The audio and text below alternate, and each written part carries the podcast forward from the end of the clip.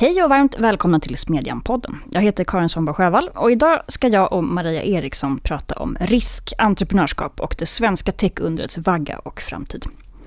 I år är det ju 20 år sedan dotcom-yran slutade med en rejäl baksmälla. Ett jubileum som uppmärksammats stort de senaste dagarna, bland annat med den nya boken Bubblan som aldrig sprack, internetpionjärerna som skapade det svenska techundret av Christian Albinsson. Då som nu störtföll aktiemarknaderna, trots Göran Perssons episka uttalande om att börsen inte kunde vara övervärderad. Ofattbara värden gick upp i rök. Men ur askan skulle ett nytt techunder skapas. En industri som bland annat gjort Stockholm till en konkurrent i Silicon Valley och Sverige till en global exportör av nya tjänster och multinationella företag. Kanske också till en ny slags entreprenör. Idag har vi med oss Aurore Belfrage, stjärninvesterare och företagare som inte kan lastas för Birgersson-boomen, men som i allra högsta grad verkar i den dynamiska miljö som pionjärerna en gång skapade. Varmt välkommen hit. Tack så mycket. Eh, min första fråga måste ju vara nästan om du håller med om Albinsons tes. Hade Sveriges ställning som technation eh, varit den den är idag, om det inte hade varit för de här disruptörerna som stökade runt i, början av, i slutet på 90-talet? Jag har inte läst boken, men eh, ja, tesen håller jag med om. Jag tror att det finns ett enormt värde i både att skapa förebilder, att lyckas, men även att misslyckas och vad som händer i det där. Och en, en fantasi, en dröm, någonting blev verklighet där vi skiftade ett mindset till att så där kan man göra. Det där är ett jobb. Det där är på riktigt. Uh, och, och, så naturligtvis, och så blev det inte på riktigt och så allting kraschade. Men jag, jag tror att det skapades en våg mot att skapa egna bolag på ett sätt som vi inte hade innan. Um, men ur ett rent praktiskt perspektiv så skapade det också en kunskapsbank. Duktiga människor, eh, dels de här frontfigurerna, men även teamen runt omkring som lärde sig ta risk, eh, tänka ut nya affärsmodeller, eh, internationalisera, bygga bolag, eh, misslyckas, resa kapital, bygga team, misslyckas med bygga team. Alla de här grejerna eh, har ju kommit nästa generation till gagn i den bemärkelsen att det, det är ju både roliga historier men också eh, lärdomar. Kanske att också att det blev attraktivt för fler att gå in i det här när man såg andra som som var framgångsrika och att det här verkar spännande liksom. Ja, men dels det, men också att det blev ett alternativ. Jag är inte en cirkusdirektör av den enkla anledningen, ingen berättade för mig att jag skulle ha kunnat bli en cirkusdirektör. Eh, men det här fanns någonstans på kartan av saker som man kan bli, eller blev plötsligt. Och sen tittar jag, jag har jobbat ganska mycket i Mellanöstern med någon form av tech startup-scen där. Och jag ser att de har komponenterna i form av entreprenörer, idéer, samma språkbruk som kommer ur Silicon Valley, samma så buzzwords och sätt att agera och bygga bolag. Men det de saknar lite som vi har här, det är en, liksom en en gedigen kunskapsbank i att bygga bolag som sitter även hos investerarna. Och, och det, det skapar en mognad i, eh, i ekosystemet som tar ett tag att bygga upp och vi började lite tidigare. Jag tror det är en tidsfråga. Mm. För jag tror att ofta när man pratar om kreativ förstörelse så blir det väldigt mycket fokus på, på förstörelsebiten. Så att säga. Alltså man, man kommer ihåg kraschen, man kommer ihåg konkurserna. Um, men det man kanske inte uppmärksammar på samma sätt var ju exempelvis det som Albinsson lyfte fram, att det var ju ganska många av dem som var med och byggde de här bolagen som sen kraschade, som sen gick in exempelvis antingen startade nya företag eller gick in som investerare just. Och med de erfarenheterna sen började investera i många av de absolut mest framgångsrika techföretagen som vi har idag. Alltså med Spotify är ett sånt exempel. Klarna också, att man byggde upp en erfarenhetsbank av misslyckandena mm. som var extremt värdefulla. Mm. Kopplat med lite pengar. Kopplat med ganska mycket pengar, mm. får man säga. Vi hade ju en frukostdiskussion här tidigare idag, där vi pratade med ett antal entreprenörer och, och investerare. Och då eh, påstod jag att samhällsdebatten idag har blivit väldigt fokus, liksom ensidigt fokuserad på riskminimering. Ehm, ett, håller du med om den bilden? Och två, om du gör det, eh, tror du att det får några konsekvenser för företagsklimatet i stort? Absolut. Eh, och min spaning är att risk har rört sig från att vara någonting som man lägger på en skala till att bli binär antingen är det risk eller så är det inte risk. Eh, och detta påverkar ju oss naturligtvis, för att om det, det plötsligt är det binära alternativet ja, det är risk, då sätter det ett, ett roster av handlingsalternativ eh, det blir ett roster av handlingsalternativ. Och är det inte risk så kan man göra något annat. Men om vi använder eh, förnuft, erfarenhet, eh, andra typer av verktyg och tittar på risk som en skala, då kan man, då kan man agera lite friare eh, och inte lika ängsligt. Och, och, det finns många komponenter till varför det är så här. Och, och media är ju naturligtvis en av dem. Apropå ditt påstående, så är det ju påståendet är något du har läst och tittat på och sett i media och tidningar och så vidare. Och jag tror det påverkar jättemycket. Dels kräver det en annan typ av entreprenör. Det vill säga, om det är jättehög risk, då måste du vara oerhört riskbenägen lite cowboyesk, jag slår mig lite för bröstet, jag kommer att klara det. Ehm, um, Medan en entreprenör som har en väldigt bra idé, eh, duktig på tech, kanske inte vågar om eh, perceptionen är att det är väldigt hög risk. Nej, det kanske inte är så riktigt. Det kanske inte, man måste inte vara så modig, utan bara sätta igång och göra det. Eh, så jag tror att man skulle kunna få fler typer av entreprenörer om riskbilden såg annorlunda ut. Och det andra är det som vi pratade om på, på frukostseminariet i morse. Det är så här, eh, risk när det gäller interaktionen eh, tidiga bolag, kommersiella bolag och stat och kommun eh, och, och, landsting. Och, och där finns det ju en oerhört stor utmaning som har demokratiska konsekvenser. Det vill säga om vi inte vågar ta någon risk i, vår, eh, i vårt byggande av våra, eh, vårt land, då kommer ju ingenting att hända. Ehm, vi lever i en, ett vägskäl nu där vi måste utveckla skola, sjukvård, infrastruktur och vi håller på med en enorm klimattransformation, en grön växling. Och det kommer kräva mycket test, prov, experiment, nya sätt att arbeta, nya affärsmodeller. Och då måste vi våga ta risk. Vi måste vara kreativa, vi måste vara öppna, vi måste tycka att det är spännande. Men om risk får hatten farligt, nej gör det inte. Då, då, då kommer ingenting att hända. Så det, det är jätteproblematiskt.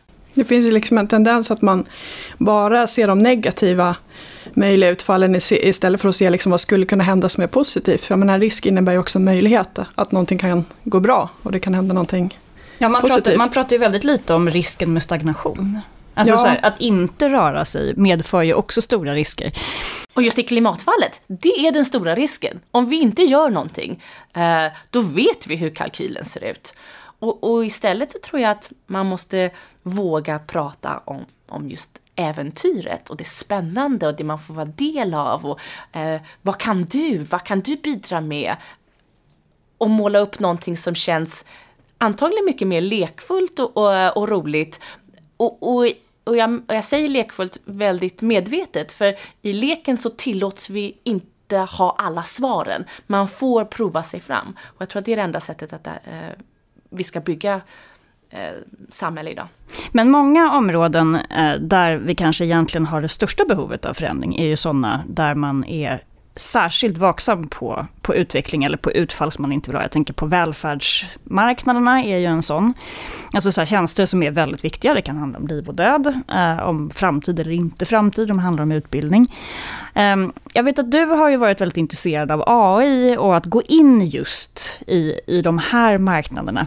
Hur, vilka förutsättningar ser du för att digitalisering och AI ska kunna förändra välfärden på riktigt? Finns det en acceptans för politikens sida? Finns det en acceptans kanske från personalen att, att börja arbeta med de här nya verktygen? Och hur ska man övertyga människor om att eh, framtiden kanske inte ligger bakom oss? Många frågor i ett. Ja. jag paketerar eh, lite. Och jag tror att många av de här handlar om hur man hur man ser på sin roll och hur man ser på möjligheten att förändra sin roll. Och, och, och vi pratade mycket om sjukvård idag på, på seminariet och jag tror att det finns en, en risk i att vi har en cementerad syn på hur saker och ting ska gå till. Och det är det givna. Och sen så kan man då kanske göra små justeringar.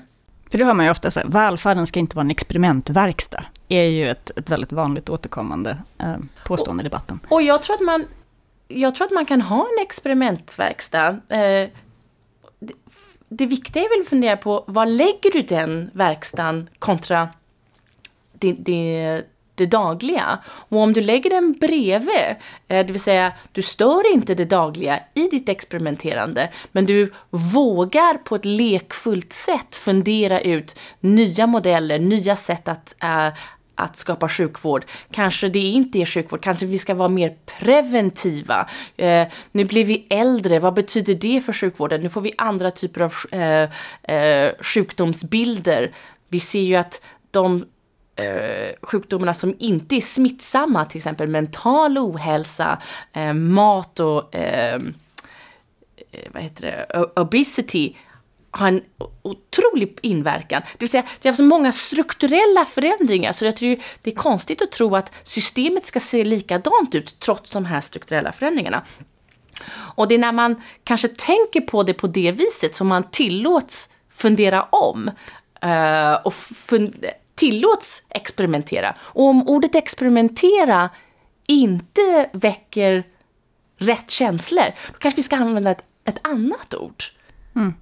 Har du något konkret exempel? Det låter jättespännande hur, hur man skulle kunna få in, liksom, hur kan, hur kan techsektorn hjälpa till att eh, skapa bättre hälsa eller, eller förebygga eller, eller vad det nu handlar om? Nej, men artificiell intelligens är ju en av de sakerna som den AI som finns idag är duktig på, det är ju att eh, prediktera vad, vad komma skall. Och i det finns det ju väldigt enkla exempel. Vi ser nu Eh, eh, ett AI som hade flera dagar innan eh, WHO hittat eh, coronaviruset och förstått och tänkt om på hur det skulle kunna spridas. Så att den gamla processen är bra. Eh, men det kanske finns andra sätt att förstå både resmönster och gick in och tittade på hur eh, folk eh, reste och hur faktiska biljetter såg ut från Kina de där första dagarna och kunde förstå eh, mönstret. Jättespännande. Det är inte ett experiment, eh, inget liv sätts i fara, men vi har lagt till någonting där vi använder datapunkter för att göra vårt uppdrag bättre. Så jag tror att det är en mindset som, som ska ske i hur ser verktygslådan ut? Och den är större idag. Och det är lite ball. Men där, men där verkar det ändå som att det finns en, en ganska stor skillnad i synen på AI som gör att det blir olika utfall i olika länder. Jag tänkte så här, jag, för två veckor sedan så pratade jag på en helt privat middag om det här med att eh, när man började liksom stänga ner stora delar av Kina och, och barn blev isolerade i sina hem så fick de fortfarande undervisning via AI eh, och via och via distansundervisning som ju har varit något som man har satsat mycket på i Kina under överskådlig tid. Så för dem så var det inte så dramatiskt, det är klart att det var jättedramatiskt att bli inlåst, men, men det fanns ett verktyg som de var ganska vana vid att använda och som gjorde att det innebar inte att man hade en massa barn som satt i flera veckor hemma utan att kunna gå i skolan, utan man kunde i någon mening ändå leva livet, eh, även om man inte kunde bete sig riktigt som vanligt. Och då sa jag så, ja men det här kanske skulle vara intressant även ur ett svenskt perspektiv i den debatten som vi har nu kring digitaliseringen av skolan. Att apropå risk, ja men plötsligt så kommer en pandemi, plötsligt så händer det någonting extraordinärt. Eh, där den här typen av verktyg plötsligt blir väldigt användbara. Och jag blev totalt utskrattad. Det var verkligen sådär.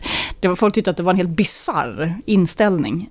Um, därför att Oh, jättespännande så. middag måste jag ja, det blev, som. Det blev, det blev lite upprört. Det blir ofta lite upprört när jag pratar om digitalisering av skolan. så, så. Men jag tycker så här, när det gäller digitalisering av skolan så finns det ju, dels tycker jag att du har en poäng, men det andra är ju att vi är olika.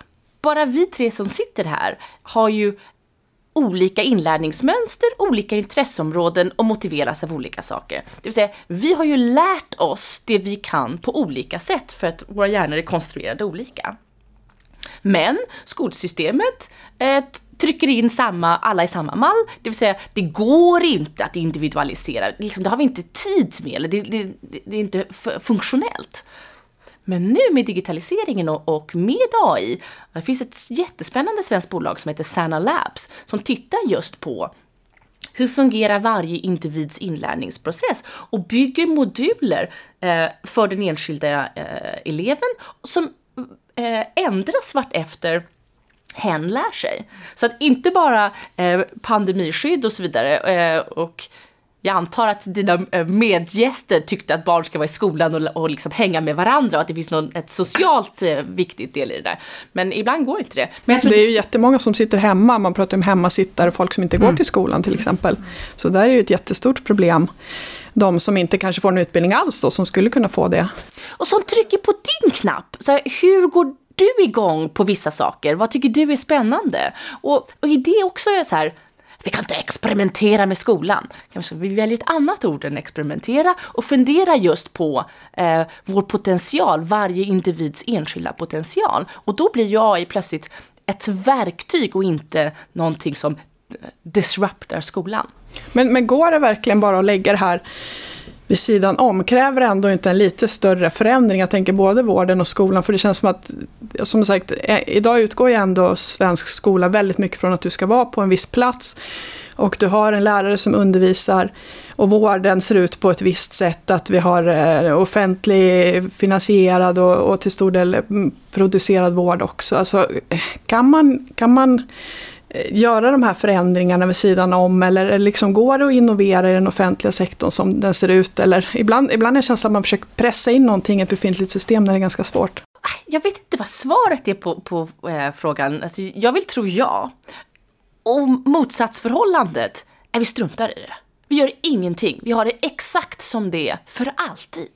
Nej, jag tänker motsatsen skulle vara att man säger, nej men vi kanske måste, istället för att bara lägga vid sidan om, att vi kanske måste göra större förändringar inom också de här offentliga systemen för att kunna ja. utnyttja den nya tekniken. Ja. Och jag tror att eh, det finns olika sätt att se på förändringar i systemet. Det ena är liksom, det faktiska systemet, processer, upphandling, eh, liksom, lagrummet. Och det andra är eh, hur vi ser på det och hur vi ser på vår roll och vad skolan fyller för roll i samhället eller sjukvården.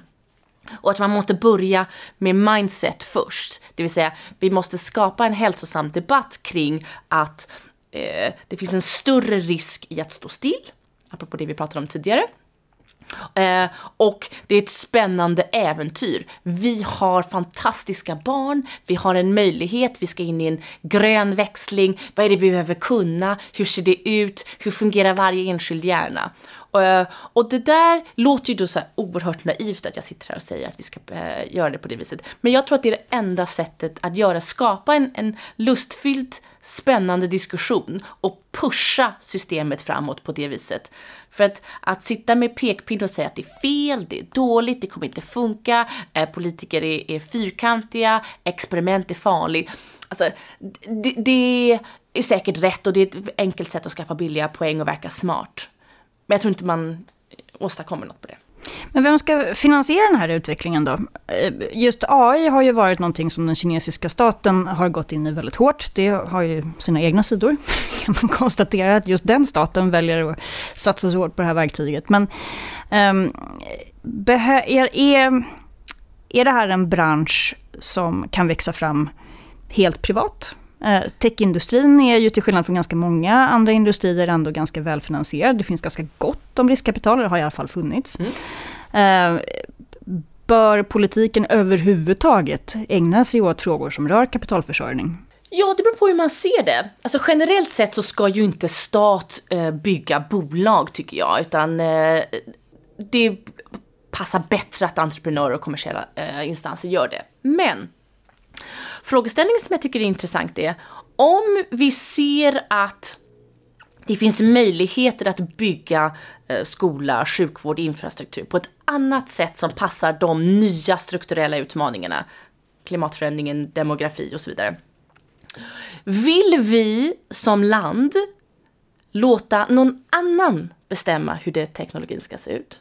Eller vill vi sitta i förarsätet och vara med och bestämma vilka värderingar som ska styra, hur det ska fungera och så vidare. Och, och här finns det en, en, en utmaning i hur vi vanligtvis använder skattebetalarnas pengar. Och det är nämligen, vi ska vara försiktiga med skattebetalarnas pengar.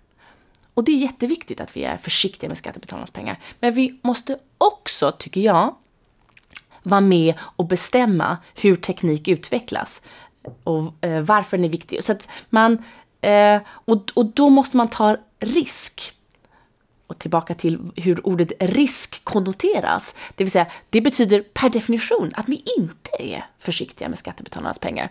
Och, och det är väl där jag tycker att det är, att det är fel. Alltså vi, vi, vi kopplar ihop orden fel. Och det är snarare ansvarsfullt att vara med och utveckla teknologi och vara med och bestämma vilka värderingar som ska styras. Det ska vara eh, ta hänsyn till eh, mångfald, eh, vår etiska värdegrund och så vidare.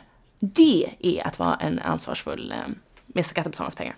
För ibland så, så, även nu på seminariet så var det ju flera entreprenörer som efterlyste en nationell vision och man ville att politikerna skulle ändå lära sig av exempelvis, alltså 90-talet så gjorde man ju stora investeringar i bredband trots att man inte kunde veta att det här skulle bli en typ av, av viktig infrastruktur. Då tog man risk. Eh, det hade kunnat bli Hallandsåsen, det blev det i själva verket en ganska viktig förutsättning. Men jag känner mig lite konträr ändå. Jag känner mig ofta konträr när jag, när jag hör entreprenörer prata om behovet av liksom mer politisk aktivism. För att det finns ju också en ganska stor risk för att man i praktiken blåser upp nya bubblor. Alltså politikens naturliga svar på många liksom, samhällsproblem är ju att kasta pengar på det. Ehm, och då kan man se, vi har Almi Invest som ett sånt, att man säger att ja, men politiken ägnar sig kanske inte så mycket åt att skapa de här goda regelverken som alla vill ha, utan börjar istället ge sig in i att välja vinnare och, och kanske blåsa upp eh, branscher där, där de marknadsmässiga förutsättningarna kanske inte finns. Kan du se någon sån risk? Ja, men nu pratar vi lite äpplen och päron. Alltså att göra en stor infrastruktursatsning som Hallandsåsen eller eh, bredband, det är ju en. Eh, en Almi gör ju, tycker jag, typ tvärtom. Det vill säga, men även Vinnova ger ju ut eh, mindre summor pengar till många. Det är ju en mycket mer smörgåsbordstänk. Ehm, och Almis investeringstes går inte att jämföra med de stora riskkapitalisterna. För att de stora riskkapitalisterna letar bara efter nästa eh, unicorn. Så fungerar matematiken kring en sån fond. Eh, en Almi letar efter vinnare, men deras definition, nu går jag in och säger att jag vet vad deras definition är, men här. Lite mer eh, äh, letar de efter vinnare som i bolag som blir lönsamma. Det är inte samma sak som ett bolag blir värderat till över en miljard dollar. Så att det där tycker jag är en ganska klok sätt att, äh, att skapa äh, innovation. För det möjliggör att man liksom testar idéer.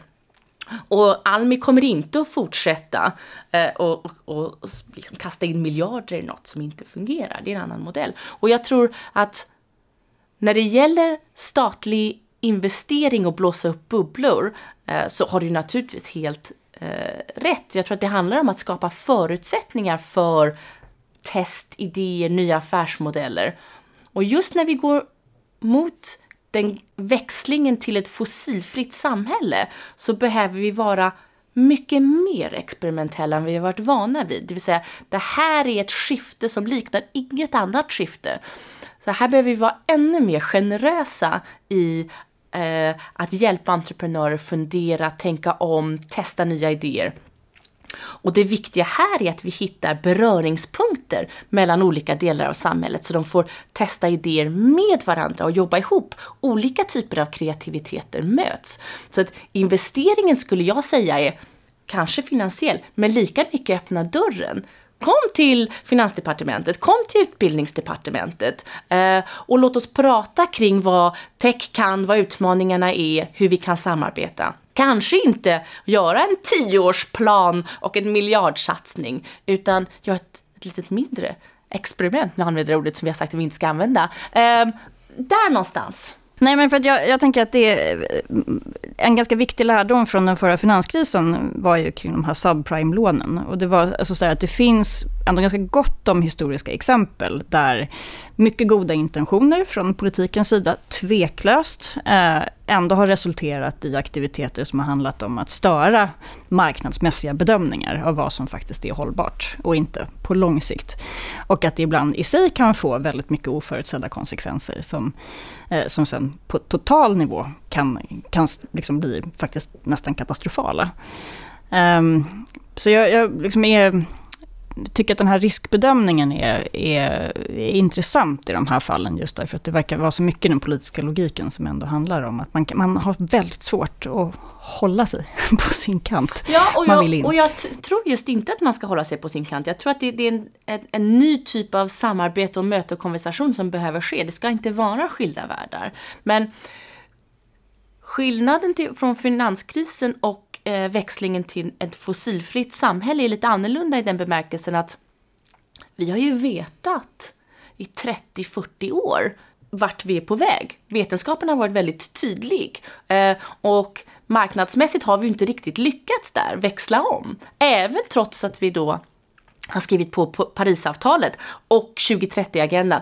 Vi har ju politiskt bestämt vart vi ska. Det är medialt eh, väldigt eh, tydligt. Och ändå sker inte förändringar. Så här tror jag faktiskt att mötet mellan eh, stat, innovation, teknik är jätteviktigt och att det sker på ett lite annorlunda sätt. Jag tänker att en annan viktig fråga, en viktig politisk fråga, istället för att liksom gå in och aktivt hjälpa, kan ju vara att man inte aktivt motarbetar eh, ja. nya branscher och ny teknik. För det upplever jag ju händer väldigt mycket om man tittar på till exempel gigekonomi som skulle kunna vara otroligt spännande så här, om man är lite visionär och säger att liksom, hur kommer det se ut i framtiden? Kommer vi verkligen jobba så 8 till 5 som vi gör idag? Heltidsanställningar. Tänk att du liksom när som helst kan hitta exakt den kompetensen du behöver en timme eller en månad eller vad det nu är, liksom var som helst i världen. Och det är ju väldigt, då är det så här, nej men vi har ju den svenska modellen här på arbetsmarknaden, det fungerar ju inte. Eh, eller vi pratade med Kry i morse som är också så här, innovation liksom inom, inom eh, eh, hälso och sjukvård. Ja, då är ju det problem liksom så där. Så att det finns ju ett, liksom ofta att man snarare motarbetar, eller vi såg TipTap här i Stockholm, då säger Stockholms kommun, det här vill vi inte ha, vi ska starta en egen app istället och så vidare. Så att vilken roll ser du där? Att det kanske snarare handlar om att dels inte, inte motarbeta, men sen kanske också skapa bättre förutsättningar, till exempel det kan vara ekonomisk politik och så vidare. Ja, alltså grejen är den att det är ju väldigt enkelt att verka eh, både viktig och eh, smart och ansvarsfull genom att, att förbjuda. Eh, och, och TipTap är ett jättebra exempel. Men, eh, det är ett jätteproblem. Jag har inte svaret på det där. Men jag tror att vi, ju fler som går ut och öppet pratar om ett, möjligheterna, eh, spännande, det är ett äventyr, vi sitter i ett vägskäl. Eh, att inte agera är att ta en enormt mycket större risk än att agera.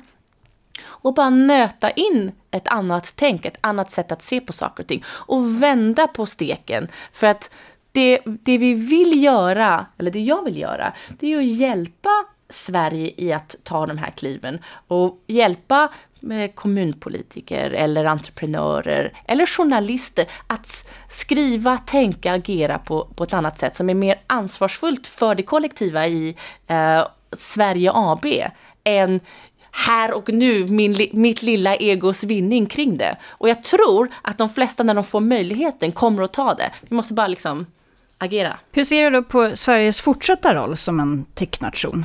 Eh, det pratade vi också om lite tidigare idag och jag förstod på dig att du var inte fullt så optimistisk kring ens vilken position vi har idag.